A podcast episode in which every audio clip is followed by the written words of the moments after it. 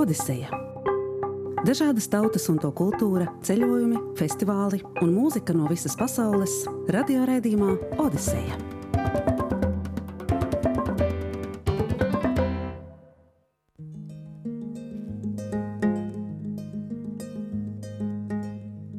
Esiet sveicināti klasikas studijā Gita Lancere. Un gribētu sākt šo raidījumu smejoties vai smaidot homēriski, nevis sardoniski. Tieši tā sardoniski smējās vai smaidīja Odisejas, un tā arī ir pareizā atbilde uz Odisejas iepriekšējā reizē uzdoto jautājumu, kas izrādās nemaz nebija tik grūts, kā bija domājusi. Jo, protams, atrast gan Odiseju dažādos tulkojumos, gan arī skaidrojumu šim sardoniskajam smaidam. Odiseja ir izvēlējusies to vienu, kas ir saistīts ar botāniku, ar Sardīnijā augošo indīgo augu, kas ir līdzīgs selerijai, un kuru ļaudis, kad netīšām lietoja uzturā Tad mira un viņu sejas bija savilktas smaidam līdzīgos krampjos. Tā ir viena iespēja, kā varētu skaidrot šī vārda izcelsmi. Ir vēl vairākas, ko esat arī gana gudri atraduši. Un paldies visiem mūsu tiešām erudītajiem, gudriem klausītājiem. Līdz ar to 13 punktus ir nopelnījusi Baiva Dalbiņa. Viņa šobrīd ir absolūtā līdere, un nevienam vairs nebūs iespēja viņu arī pārsteigt pārspēt, jo nākamnedēļ jau Odisejā lielā pavasara izloze. Baibai seko. Ilze Bērziņa un Elga Štrumfa ar 12 pareizām atbildēm, Elga, Elste Bernika Grozova, Baiba Ogriņa un Raimonda Vētriņa ar 11 pareizām atbildēm, 10 Inai Romānei, 9 Līgai Ivānai un Inetai Ķergalvei, astoņas Vienitai Bergai, Evaldam Krievam un Ingunai Kūliņai, septiņas Ārijai Vācietei, sešas Inārai Cērpai un Viktorijai Surskai, un piecas Sandrim Akmanam, Sandrai Dzelskalējai, Mikum Karlsonam, Ievai Mangulai, Baibai Nuršai, Ellai Spuriņai un Arnim Vilemsonam. Tātad 23 Odisejas klausītāji kļūst par pavasara izlozes dalībniekiem. Tiksimies tajā pēc nedēļas, bet šodien Odiseja jūs pēc mirkļa aicinās kādā ceļojumā.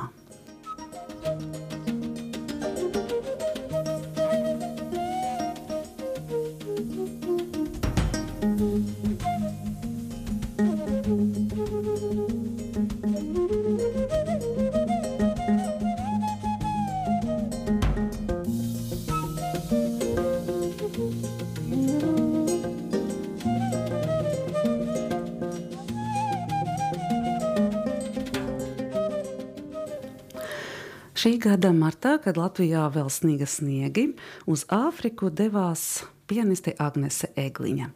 Tur viņa piedalījās gan festivālā, gan arī strādāja kā pedagogs, un pie kam izrādās viņa tur bija jau otro reizi. Tādēļ Odiseja aicināja Agnesi uz nelielu sarunu.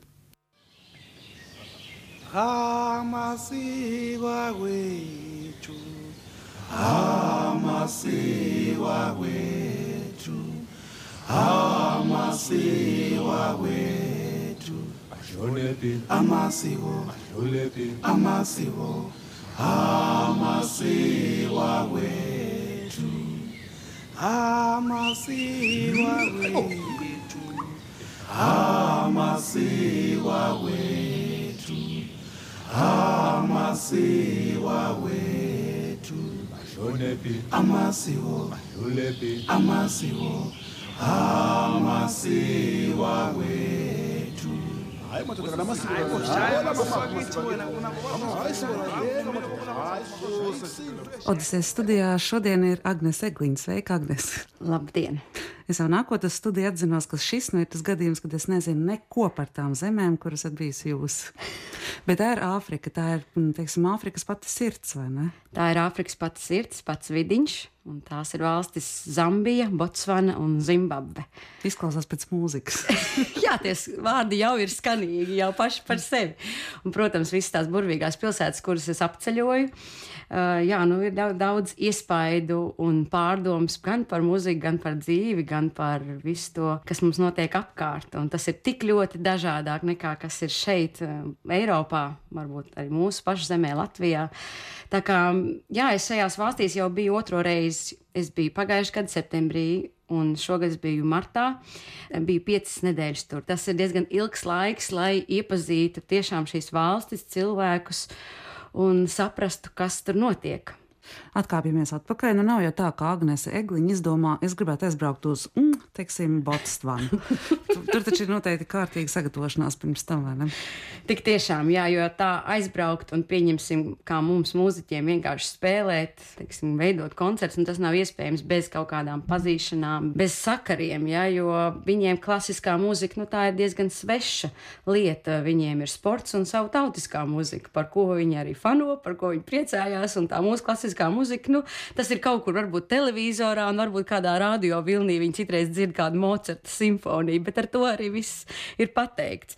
Tā kā jā, tam ir vajadzīga liela sagatavošanās, un e, es pazīstu brīnišķīgu čelistu, kas ir arī reizē ļoti labs organizators Teo Bross no Vācijas, no Študgartas, un viņš jau e, darbojas e, šajās valstīs kādus sešus gadus, un tā kā viņš jau sāk iedibināt to taciņu, viņš ir veidotājs un viņš um, veido veido mūzikas skolu bērniem.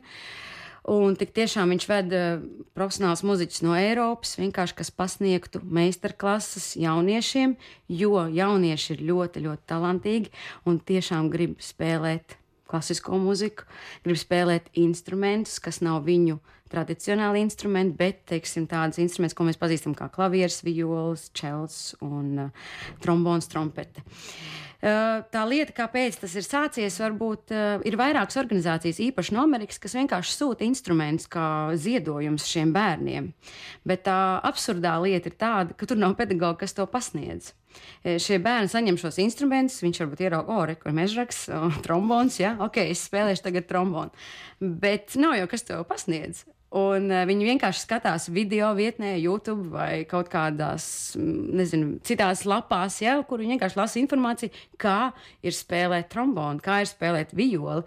Nu, un, godīgi sakot, nu, tas ir briesmīgi. Tas ir tiešām, es domāju, ar visu mūsu sistēmu, kas ir šeit Eiropā, Rīgā, arī Latvijā, dārziņu mūzikas skola, kurā tev ir solfeģo mūsu literatūra, vispār viss pieejamais. Mēs to vispār pat nenovērtējam. Es to tagad tiešām novērtēju, tas viss ieguldījums, ko man ir devuši mani pedagogi jā, nu, tur tas ir ļoti svešs un tālu. Tā kā ir liels, liels prieks tur darboties un uh, tiešām kaut kādā veidā iedvesmot un palīdzēt viņiem. Jā, jo um, viņi tiešām meklē pēc palīdzības, jo viņi grib apgūt šos instrumentus. Jā, izklausās ļoti, ļoti aizraujoši, bet arī te laikam būs tas modīgais vārds, kā izaicinājums milzīgs.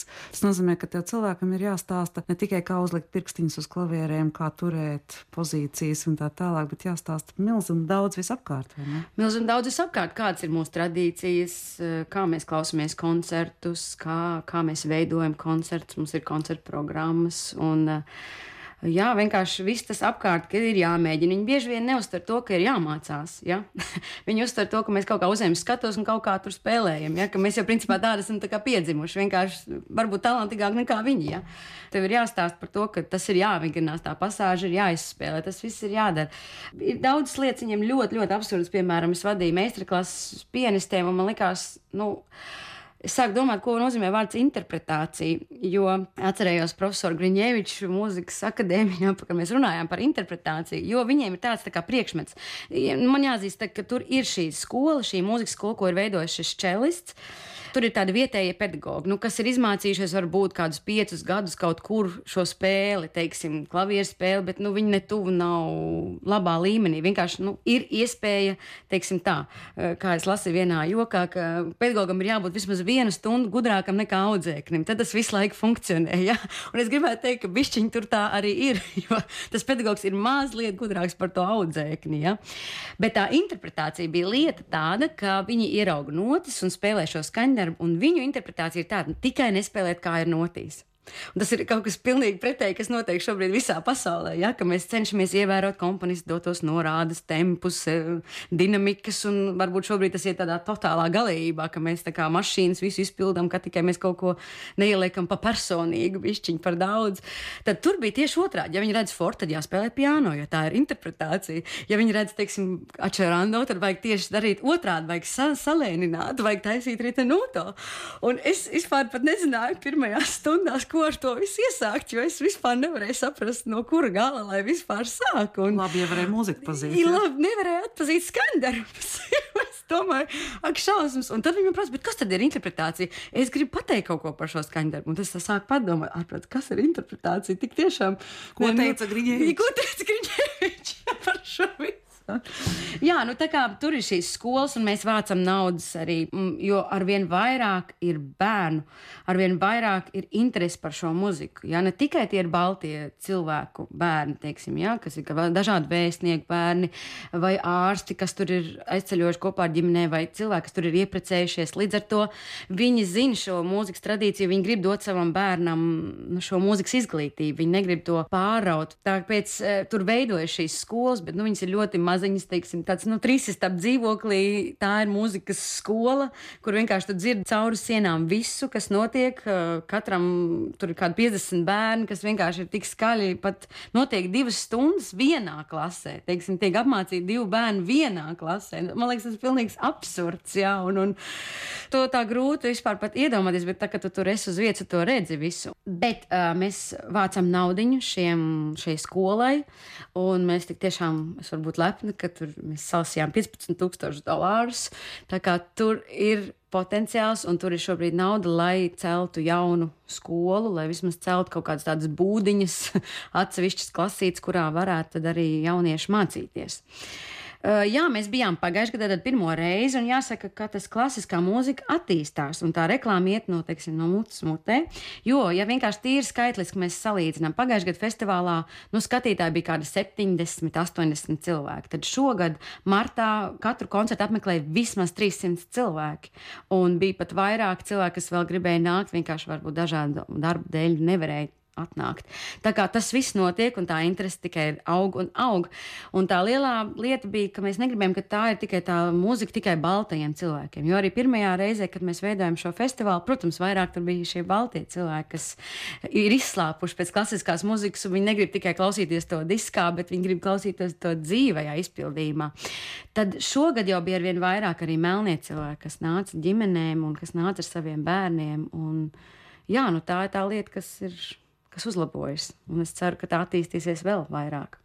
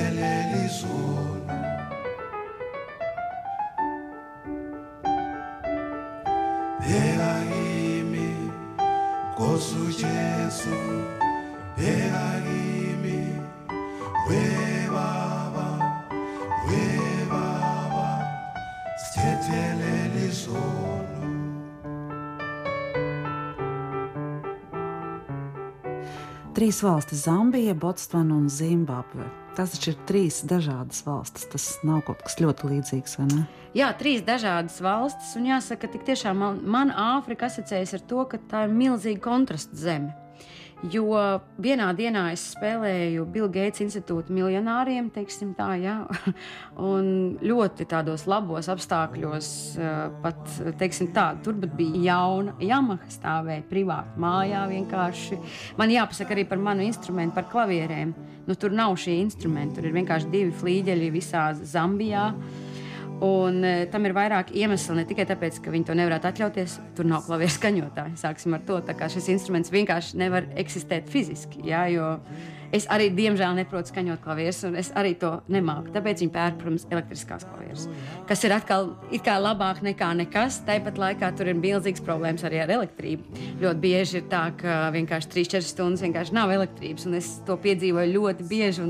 Tas dažreiz mums ir tāds elektrības pārāvums, un mēs te pārdzīvojam, bet tur bija tā, ka vienkārši tu piecelies no rīta. Un nav elektrības līdz pat pieciem vakarā, piemēram. Diena brīva. Diena brīva, un ko tu dari? Es nezinu, lasu grāmatas, tu neko nevari darīt. Vienkārši tas tas ir briesmīgi. Un uh, tu staigā, baudi dabu. Vienkārši, jā, tev ir jādomā, kā, kā dzīvot bez elektrības. Es, es biju par to sen jau aizmirsis, godīgi sakot. Nav internets, pēkšņi viņš ir, pēkšņi viņš nav. Un vienkārši tev ar to jāsamierinās. Jā, un tāpēc ir šīs klavieres, nu nav viņas tīri akustiskais instruments. Bet tur, kur tā mūsu koncerta zāle bija, tur bija 40. gadu tāds stenvejs, kas bija diezgan labā stāvoklī. Un jāsaka, bija pilnīga laime, ka pēkšņi koncertā ieradās viens anglis. Kurš saka, ka viņš ir mācījies Londonā klavieru skaņošanu? Un viņš bija izlasījis, vienkārši sludināja, ka notiek kaut kāds koncerts. Viņš vienkārši atnāca, tā bija pilnīgākā laime. Un starp brīdī es pēkšņi dzirdu, ka kāds skaņo klavierus. Un es domāju, kas te notiek? Es izēju ārā, un viņš ir izrādījies, nu, tā kā atnācis, ja nu gadījumā ir kāds tur pianists, viņš varētu tā kā paskaņot, atcerēties savas vecās iemaņas, jo viņš to nebija darījis vairāk kā 20 gadus. tā kā mēs ļoti sadraudzējāmies, un, un tā kā arī tā tas notiek, vienkārši kaut kāds pilnīgs ekspromptum, ja?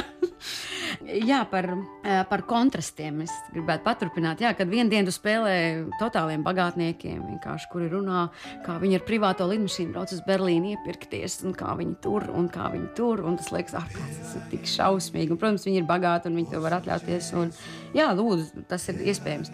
Bet nākamā dienā es spēlēju tādā nabadzības uh, skolā, kur pagājušajā gadā tikai ir ierīkots tīra ūdens krāns. Līdz ar to cilvēki vienkārši ir ārkārtīgi nabadzīgi. Viņiem pusdienas ir vienkārši izvāra milzīgu katlu ar kaut kādu putru, un bērni vienkārši iet un ar rokām ēd šo ēdienu. Viņiem ir drausmīgs apģērbs, kurpes, viņi dzīvo drausmīgos putekļos. Un, un, Un, un tas tiešām ir briesmīgi, un to redz nākamajā dienā. Un ka bērns pieķerās pie tevis, un nevis viņš prasa, atved man nākamreiz kādus saldumus, bet atved man ziepes.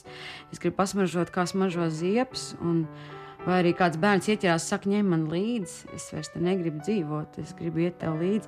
Vienkārši tie kontrasti bija tik milzīgi, ka tas, tas to, to tā grūti aptvert vienkārši. Un atkal nākamā dienā atkal tu esi kaut kādā bagātnieku, kuriem ir savs pavārs, savu maikalpotāju un, un visādi tādas lietas. Vienkārši tas liekas, wow, pilnīgi kontrasta zeme. Ar eh, Botsvanu bija mazliet savādāk. Viņiem ir ienākusi milzīga nauda šobrīd, un viņiem ir ļoti daudz amerikāņu, daudz eiropiešu, kas ienāk ar savu naudu. Viņiem ļoti uzlabojās tiksim, dzīve iekšējā. Un, pirmkārt, jo tas bija tīri gan skaistu namu ziņā, jau arī, arī skolās ir viņiem naudas, lai kaut ko darītu. Bet atkal problēma nav izglītot pedagogu. Viņi saņem pat ļoti labas algas, godīgi sakot, bet nu, jūs iedomājieties, ja pedagogs zina, pieņemsim tikai vijos atslēgu, basa atslēgu, viņš pats īsti nepārzina. Nu, tā kā tas jau ir piedošana. Bet nu, tas jau arī, protams, bija tā, nu, teiksim tā. Ja? Tas ir labāk nekā nekas, teiksim tā. Ja? Bet uh, atkal tu redzi, ka tur, ja tev ir iedvesma, ja tev ir entuziasms, tur var doties, tā ir liela nākotnes zeme.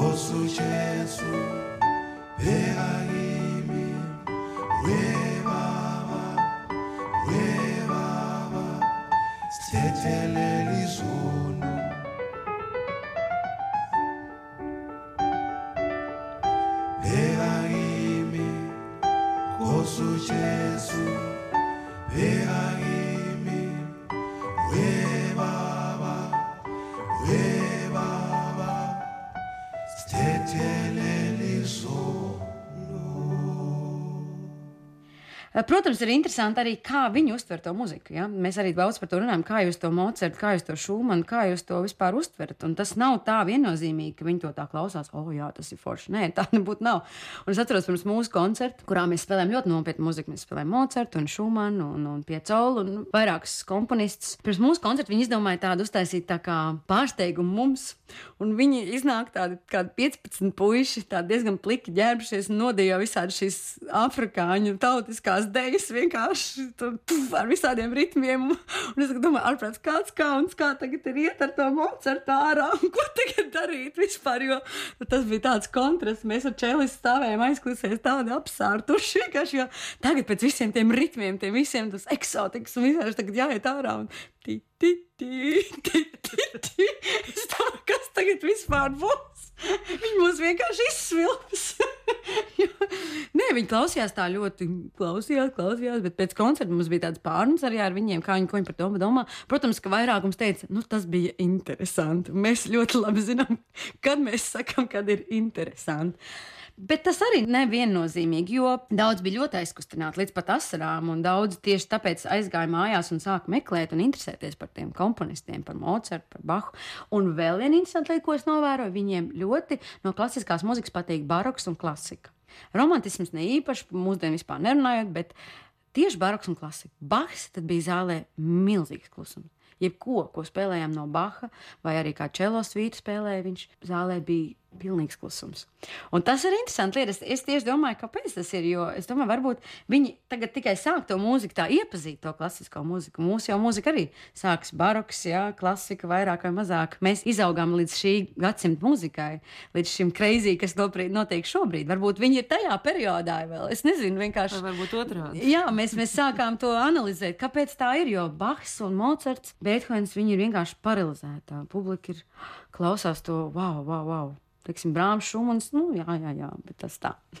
Tāpat arī tomēr, ka viņu paškultūrā ir tā skaidrība. Jā, arī, arī varbūt arī polifonija. Un, jā, mēs bijām arī Botsvānā. Tā ir viena no zemēm, kur tieši marimba radās. Jā, un mēs bijām, kur jaunieši paši konstruēja marimbu no ķirbjiem.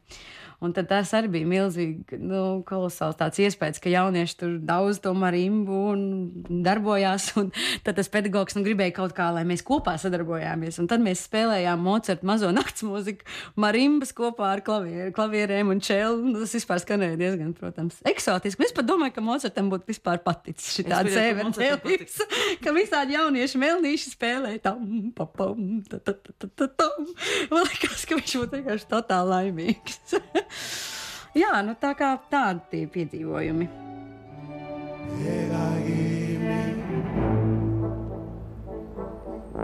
Osu Jesu. We baba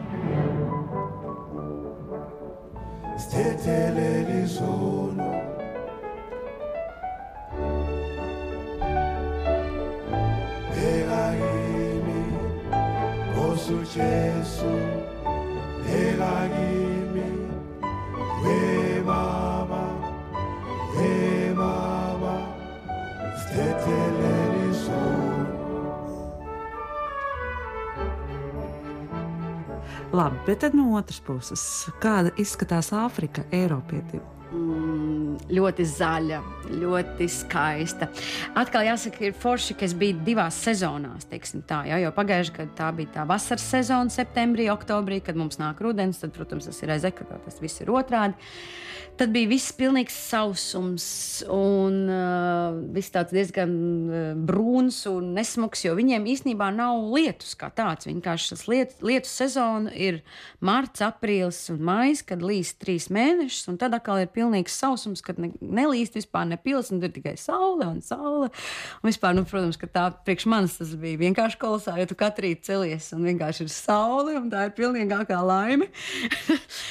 Bet es varu pateikt, tas lielākais iespējas man par to, cik dažādi ir šie, šīs sezonas tur, bija Livingstonā Viktorijas ūdenskritums. Mēs devāmies tur oktobrī, un, protams, mēs zinām, kāds izskatās Viktorijas ūdenskritums, slavenais, un, un bildes un video, viss tas ir redzēts. Un mēs tagad aizbraucam uz turieni, un tur nav ne pilas ūdens, ne pilas. Tik tiešām man ir fotografijas pierādījumi tam, ka tur bija vispār pilnīgs sausums. Mēs redzējām tikai klintis. Ūdens pietums bez ūdens. Nav, bez ūdens, jā. Jo tāpēc, ka vienkārši ir tāds sausums, ka nav ūdens. Vienkārši nav ūdens. Jo sausums viņiem ir apmēram astoņi mēneši, nav lietus, nekas nelīst. Nu, varbūt vienu reizi tur uzlīst, bet tas nav lietus gāzes. Ja? Un es biju tādā šokā, jo vienkārši tur redzi pilnīgākās klintis, neko tu neredzi vienkārši. un tad šogad martā Es, diemžēl, nevarēju redzēt šo ūdenskritumu, jo tur bija tik daudz ūdens, ka vienkārši mēs nevarējām ne to fotografēt, neko, jo vienkārši tas ūdens sitās mums sejās. Mums izdalīja pat tādas speciālas uh, brilles un speciālas tādas tā, ietērps, jo vienkārši mēs tikai tur parādījāmies un mēs bijām cauri slapi. Tā kā šis kontrasts, ja, kas notiek īstenībā sešu vai cik sanāk, jā, sešu mēnešu atstartumā ir vienkārši kolosāls. Jā, tā, tā, tā daba. Un arī šogad viss bija zaļš, zied, plaukst, viss smaržo. Jā, tā kā šī daba ir man kas visvairāk tur fascinēja. Kas attiecas um, uz to sociālo dzīvi, protams, gan tur ir visādi kuriozi, gan viss kaut kas ir noticis, un es varbūt arī dažus faktus gribētu minēt, jo uh, tas, protams, nenotiek tā, kā tas ir ierasts šeit, Eiropā, kur mēs ejam uz to perfekciju. perfekciju. nu, pieņemsim tāds stāsts, ka mēs aizbraucam, mums vajadzēja uh, uz vienu pilsētu doties ar vilcienu. Un uh, mēs aizējām un skatāmies, kad tas rakstīts, ka tas vilciens ir trešdien. tas, protams, ir diezgan Jā, izklausās. stiepjams jēdziens. Man kolēģi arī bija no Stuttgarts radio orķestra vācieši. Es domāju, priekš viņiem jau nu, tas pavisam bija diezgan eksotiski. Jā. Un tā tas arī ir. Vienkārši vilciens ir trešdien, un mēs vaicājam, bet uh, kā trešdien? Nu, viņi saka, nu tad, kad viņš pielasīsies pilns, nu tad mēs arī brauksim. Vienkārši cik dzīve. vienkārši dzīve. Un, un es atceros vienkārši to, ka mēs bijām ap deviņiem rītā, nu, drošībai. Ja? Un tur bija ļoti maz cilvēku. Tiešām. Nu, tad mēs samaksājam vienam cilvēkam, lai viņš mums piezvanītu, ka viņš nu, tā kā sāks varbūt kustēt. Ja? Un tā arī bija. Mums piezvanīja ap četriem pēcpusdienā, ka viņš varētu pēc stundas kursēt. Un tie, kas bija tie diezgan maziņi, visu laiku tur sēdēja un gaidīja. Jā, jā, jā, jā, viņi vienkārši. Un tas ir kolosāli. Viņi sēž, viņi dzied. Tas ir brīnišķīgi. Dzied daudzbalsīgi, brīnišķīgos ritmos. Tas ir atkal arī tas, ko es redzēju. Puisi, piemēram, arī pieturās, sēž un dzied. Daudzbalsīgi, dziesmas, viens dejo, viens kustās, vispār viss notiek. Vienkārši man likās tik kolosāli. Dāmas iet ar, ar šīm uz galvas, šīm nastām, ja, ko viņas nes uz galvas. Viņas arī iet vienkārši no tirgus un draudzenes vienkārši savā starpā nevis sarunājas, bet dzied. Un tas arī ka viņi prasa, kas tu esi. Es saku, es esmu mūziķis. Viņi saka, ah, tu esi dziedātāji. Jo viņiem ir principā vai dziedātājs vai dejotājs. Tikai divas klišejas, nekas pa vidu. Tad es saku, nē, es spēlēju klavierus. Tad es jau redzu tās dīvainās acis, jo, ko es pamanīju pēc vairākām nedēļām, dāmas ar to nenodarbojas.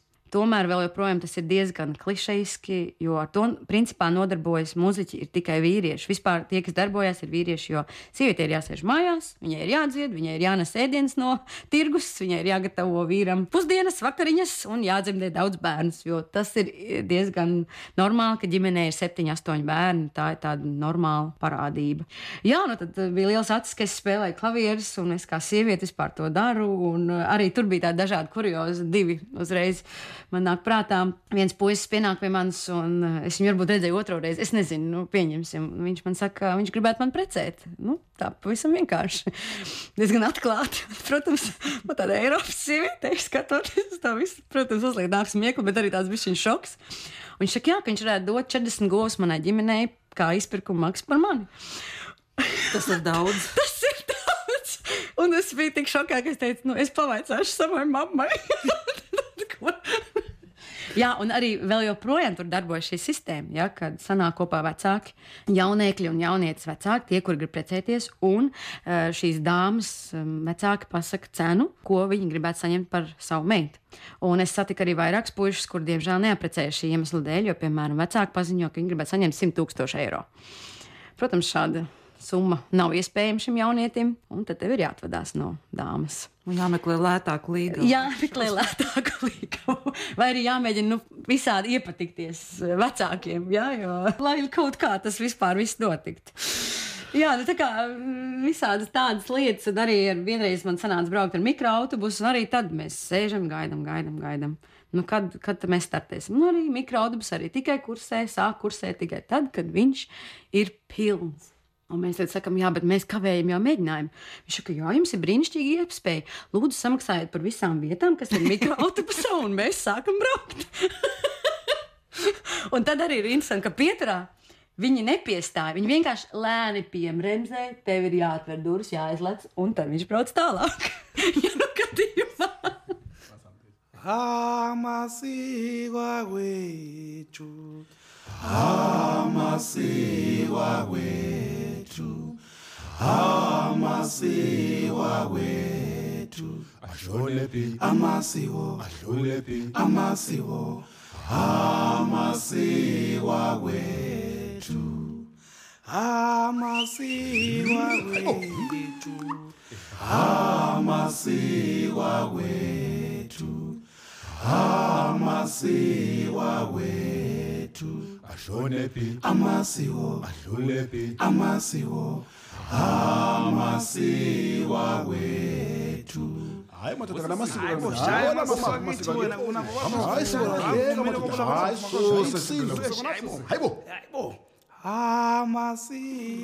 wethu Jā, kas attiecas arī uz tradicionālo mūziku, protams, es ļoti centos to iepazīt. Arī, jo, nu, protams, ja tu tur esi tur, un tik tiešām, ka es redzēju uz ielām šīs dēļas un šīs um, dziedāšanu, šo brīnišķīgo.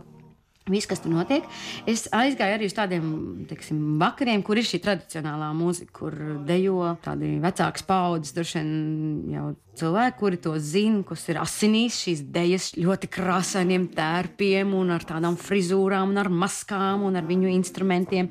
Un tad ir atkal tas paradoks, ko es jau vienā no jūsu raidījumiem tieši klausījos, ko profesors Avramets teica, ka šī māksla mazliet izzūd, ja, ka viņa kaut kur sāk pazust, jo jauniešiem ir stilīgāk um, dziedāt popmūziku, būt ar hip hopu un to viņu tradicionālo mūziku. Viņi kā kautreiz tišķiņ par to. Un tur es to tiešām arī pamanīju, jo tie uh, vecāks paudzes uh, cilvēki, bija tik aizrautīgi par savu mūziku, un tieši tiešām forši mēs visi skatījāmies, wow, wow, wow, kā tas, wow, kāda ir ritmi, kādas dejas, kādas kustības. Mēs bijām vienkārši fascinēti. Un varēja redzēt, ka tie jaunieši, viņi kā kautrīgi tajā piedalās, sēž tā malā, un viņi kā kaunās par to mazliet. Un, un likās tas tik ļoti nepareizi. Viņi ir gatavi labāk dziedāt kādu popmūzikas dziesmu nekā to savu tradicionālo mūziku.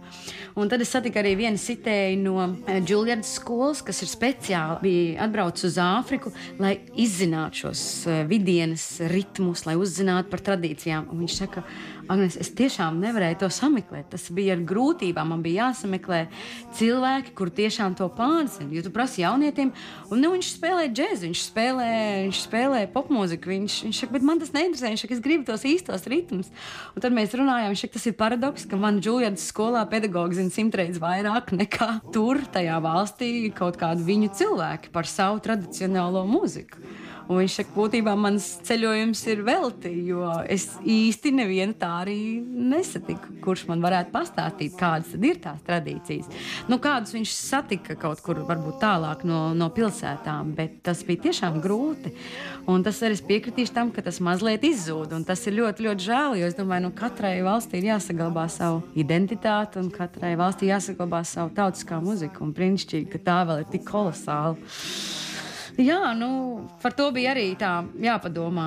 Es padomāju arī par mūsu mūziku. Es domāju, tas, ko dara mūsu tradicionālie, arī mēs dažkārt jāatzīst, arī tik daudz nezinu par savu kultūru. Un, jā, man viens no, ko es gribēju apmeklēt, tas bija dažādas arī etno pasākums šeit Rīgā, jo es sapratu īstenībā, cik tas ir svarīgi, jo tā ir tā identitāte. Tas ir tas, ko tu vari pateikt, tas ir mans, tas ir mana, tā ir mana valsts. Jā, tā kā nu, bija visādas tādas arī pārdomas par to.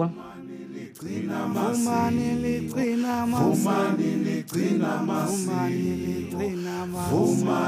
ligcina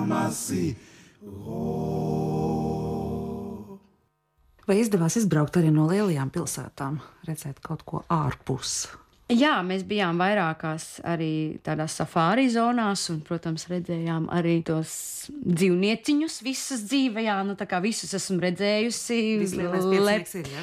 ir visi gepardi, visas lauvas, visi zilonīši. Un, uh, Wow, nu tas ir iespaidīgi. Tik tiešām tas ir iespaidīgi. Un mēs pat bijām vienās naktas medībās, kur mēs tik tiešām redzējām, kā lauva ēd un kā viņi medī, kāds tur ir vispār gudrība un kāds tur ir aprēķins. Un vispār, ka tiešām dāmas iziet un izošņā, kur nu viņu karalis tagad dosies un kur nomedīs to dzīvnieku, kādi tur ir noteikumi, kad ir viena ūdens peļķe, ja? bet abi šie nilzīgi grib dzert.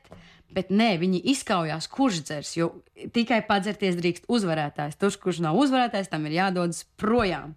Un nākamā dienā viņi nāk atpakaļ un viņi kaujās. Un, ja tu tiešām gribi dzert, tad tev ir jāizcīna tas ūdens. Tā dzīvnieku pasaule tik tiešām ir nežēlīga. Un tu to redzi tur tādā pilnīgi dzīvē. Jā. Tas nav zoodārs, kurā viss ir ļoti feini sakārtots. Tā ir dzīva daba. Un tas ir šodien Agnese Egliņa, kura jau divas reizes, kā koncertējoša pianiste un pedagogs, ir viesojusies Āfrikā, Zambijā, Botsvanā un Zimbabvē. Ah, un vēl es atceros, paradoks bija par mūziķiem. Mums bija tāds, mēs bijām ļoti mazā lidostā, mēs ļoti daudz arī lidojām. Un, protams, mūziķiem čelistam bija savu čelo kastu un violniekam savu violu kastu. Un tad te lidostā tie apsargi uzreiz, kas tas tāds. Nu, mēs sakām, tie ir instrumenti. Mēs tādus nepazīstam. Tie nav nekādi. Kas tas ir? Okay. Jums ir tagad jāspēlē. Mēs tagad lidostā viņi sāk spēlēt vienkārši tos instrumentus. Viņi saka, jā, bet ko jūs darat ar tiem instrumentiem tagad? Uh, mēs sakām, mēs nu mācām jauniešiem šos instrumentus. Ok, tad izmāc mani tagad, iemāc man spēlēt čelu. Bet tas ir tik nopietni, ka mēs saprotam, ka mēs nevaram, mūs var ielikt vienkārši aiz restēm. Īstenībā viens, divi, ja mēs kaut ko neklausām, jo nu, tur nav nekādas aizsardzības pret to. Tur nedrīkst iebilst ierēdnim, tur nedrīkst ie- iebilst kādam robežsargam. Un tagad šis čēlis sāk tajā lidostā mācīt to apsargu, vienkārši spēlēt čēlu. Protams, ka tas neizdodas vispār. Viņš saka, redzi, es nevaru iemācīties. Ko jūs te darat? Jūs esat pilnīgi šarlatāni. esat." Un vienkārši, ka viņš nevar desmit minūtēs iemācīties meldiņu.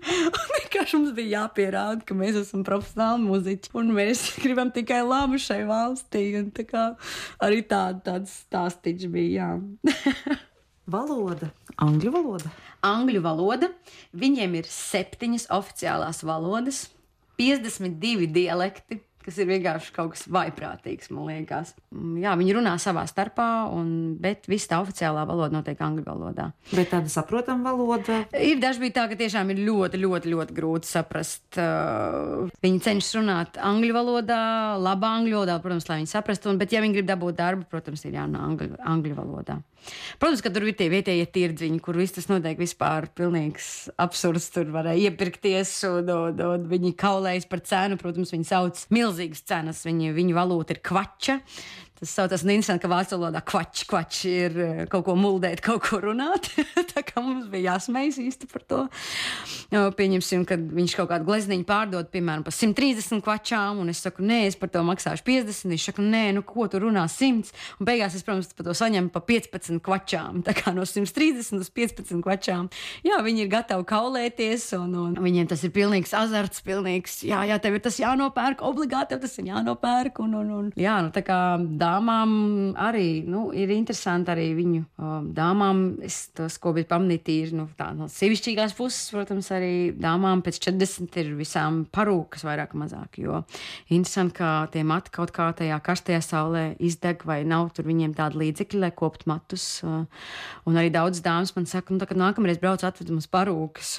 Un tas ir arī tāds interesants moments. Tas varētu būt diezgan grūti karstumā. Jā, tas ir tiešām, tiešām grūti. Es pieļauju, pie tam vēl, jo es arī pamanīju, ka tik daudz parūku veikalu ir. Es neesmu Rīgā pamanījis daudz parūku veikalus. Jo es vienkārši man tas bija tā. Likās, kāpēc te ir tik daudz veikalu? Un tad man tās meitenes paskaidroja, ka viņām tie mati ar visādām, ko viņi tur taisa, tos dredus un visu kaut kādas tās lietas, ko viņi taisa, ka viņi, nu jā, tā kā lūst un plīst, un līdz ar to tas viss viņiem tie skaistie mati vienkārši beidzas vienā brīdī. Un, jā, un tās parūkas, nu, protams, no br briesmīgā kvalitātē. Vienkārši briesmīgā. Es domāju, ārprāts, kā viņiem tur tas ir tik karsts. Bet arī interesanti, ka viņi ģērbjās pie 30 grādu, bet viņi ģērbjas uzvalkos džemperos un tam līdzīgi, jo ir taču rudens. Un, es domāju, vienkārši šausmīgi. Jo karstums taču ir. vai nu, milzīgs karstums, bet viņiem tas ir rudens. Viņiem vajag uzvilkt kaut kādu džemperi. Šausmas. Kā tas tā var būt? Vienkārši, jā, un, un, Jā, tā kā arī tīri tā, tā, tā sadzīves dzīve, un, un mēs tur meitenes eh, pētījām vienu otrai ādas. Nu, tīri tā arī, protams, vienkārši tas ir tīri interesanti. Un, un mēs runājam par kosmētiku, un bija interesanti, ka arī viņas lieto pūderi, melnās meitenes. Es domāju, kā tas tā interesanti. Ok, Pūderi. mēs. Baltie lietojam pūderi. pūderi. Bet viņām ir pat speciāli pūderi un, un, un tā. Bet nu, viņiem ir briesmīgs kvalitātes kosmētikas. Nu, viss, kas tiek vests, tas ir vienkārši, man liekas, viss sliktākās kvalitātes, kas vispār tur ir. Un paradoxāli tas, ka tam nemaz nav tik maza cena. Ka viņi Kaut kur pazīstami Jā, izklausās. ka tam nav tiešām maza cena, un viņi maksā nu, briesmīgas kvalitātes, teiksim, gan kosmētika, gan sievietēm. Nu, visādas tīras lietas. Tas liekas, wow, wow, wow, wow. tas ir briesmīgi. Jā. iqika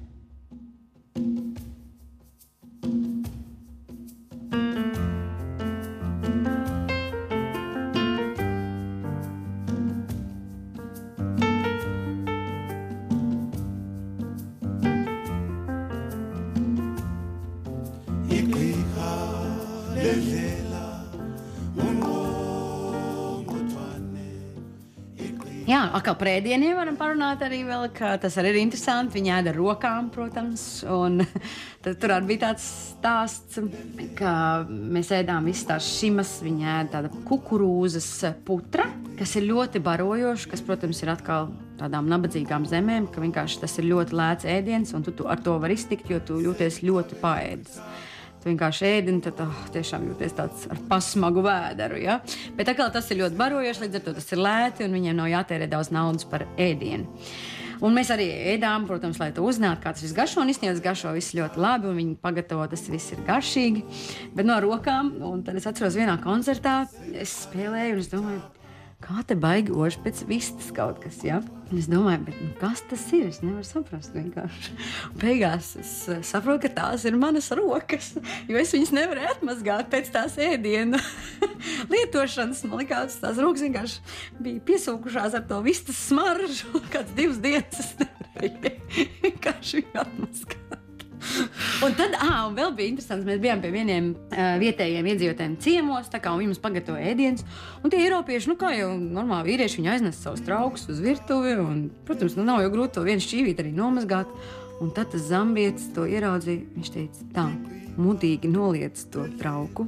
Un neievazājiet šeit savas Eiropas tradīcijas, ka vīrietim ir jāmazgā trauki. ka tas ir jādara sievietei. Bet tā kā tā sieviete bija tik laimīga, viņa teica, vīrs, mīļais vīrs, vai tu redzi, vīrietis arī to var darīt. Vīrietis arī var mazgāt traukus.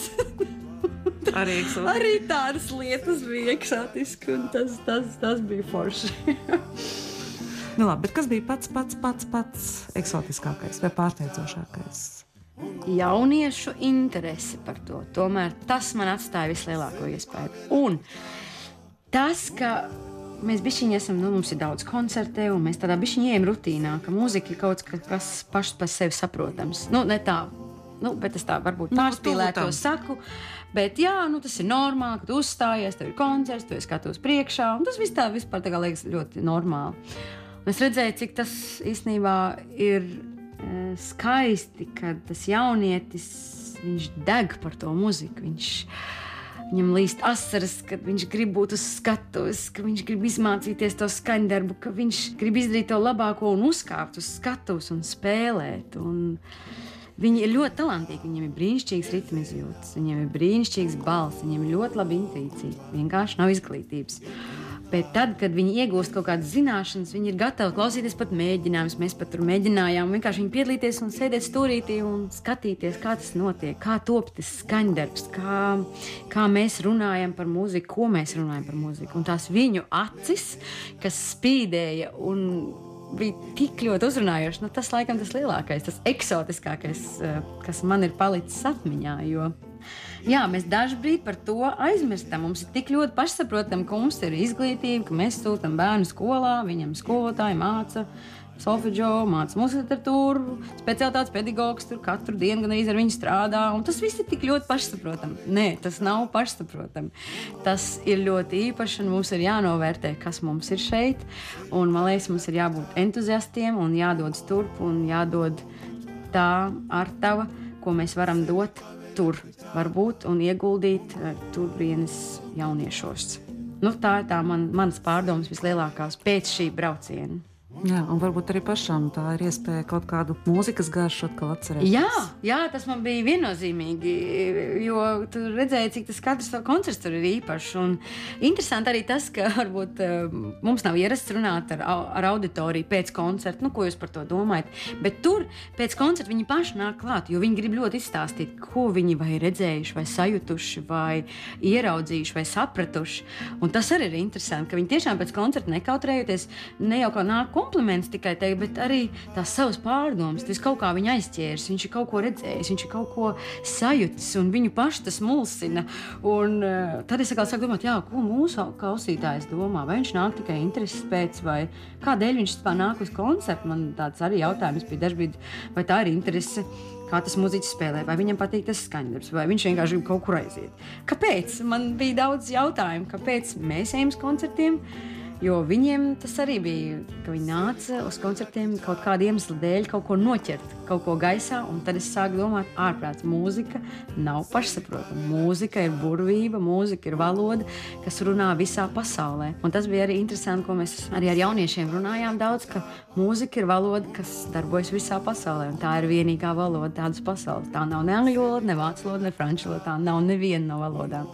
Bet mūzika būs vienmēr, ko sapratīs visas pasaules cilvēks. Un, jā, tas arī ir brīnišķīgi. Mēs daudz runājam ar jauniešiem. Mums bija ļoti daudz skolās koncerti. Un, jā, viņus īstenībā tas ļoti patika. Un tā ir arī reklāma tai skolai, jo mēs vienmēr reklamējam arī to skolu. Un pēc mūsu šīm lekcijām šai skolai pieteicās vairāk kā 120 bērnu. Tā kā arī tas ir milzīgs iegūms.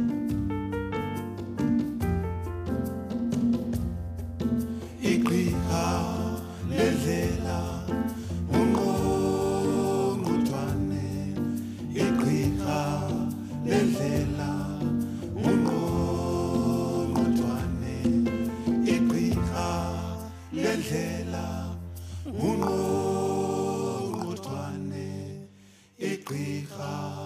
lendlela ungqongqothwane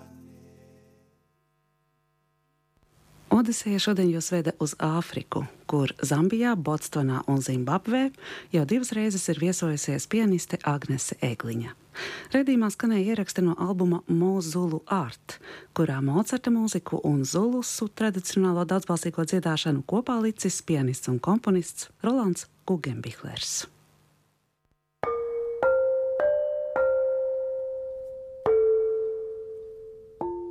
Odiseja